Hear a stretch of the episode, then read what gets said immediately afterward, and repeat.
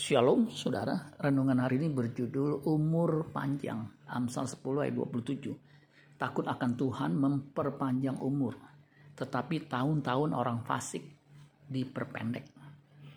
Raja Salomo dengan hikmat Tuhan mengemukakan rahasia umur panjang, yaitu takut akan Tuhan.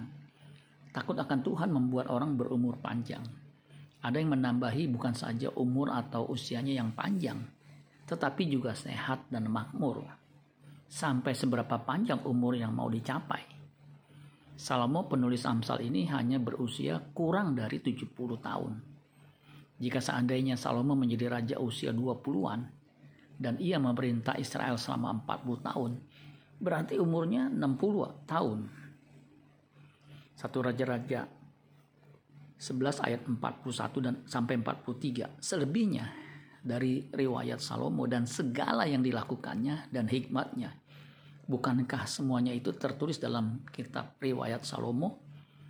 Lamanya Salomo memerintah di Yerusalem atas seluruh Israel ialah 40 tahun. Kemudian Salomo mendapat perhentian bersama-sama dengan nenek moyangnya. Dan ia dikuburkan di kota Daud ayahnya. Maka Rehabiam anaknya menjadi raja menggantikan dia. Adam manusia pertama berusia 930 tahun lalu mati. Kejadian 5 ayat 5. Jadi Adam mencapai umur 930 tahun lalu ia mati. Manusia tertua yang pernah hidup di bumi dicatat di Alkitab adalah Metusalah, Kejadian 5 ayat 27. Jadi Metusalah mencapai usia 969 tahun lalu ia mati. Manusia yang mencapai usia panjang di bumi lalu mati. Tetap ada batasnya, lalu berakhir.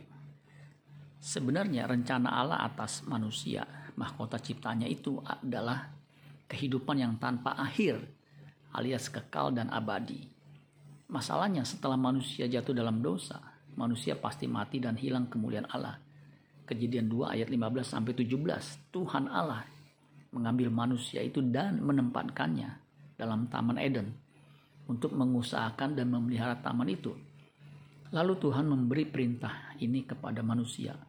Semua pohon dalam taman ini boleh kau makan buahnya dengan bebas.